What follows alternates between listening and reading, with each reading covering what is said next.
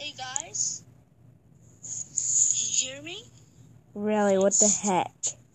Are you just Stupid, come back, you stu. It's just on. Yeah, I don't care about it. I don't care about it.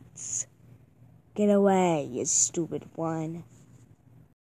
I'm ready, I'm ready, I'm ready. SpongeBob SquarePants special. Today, my podcast is gonna be SpongeBob. You know SpongeBob is your favorite podcast. Yeah, SpongeBob podcast. That's why I'm doing a special SpongeBob podcast. So, SpongeBob was like favorite show. It was. It's about this sponge. He has a friend that's named Patrick, Sandy, Squidward. That's really. Uh, thinks SpongeBob's stupid. Ah, that's what Squidward thinks.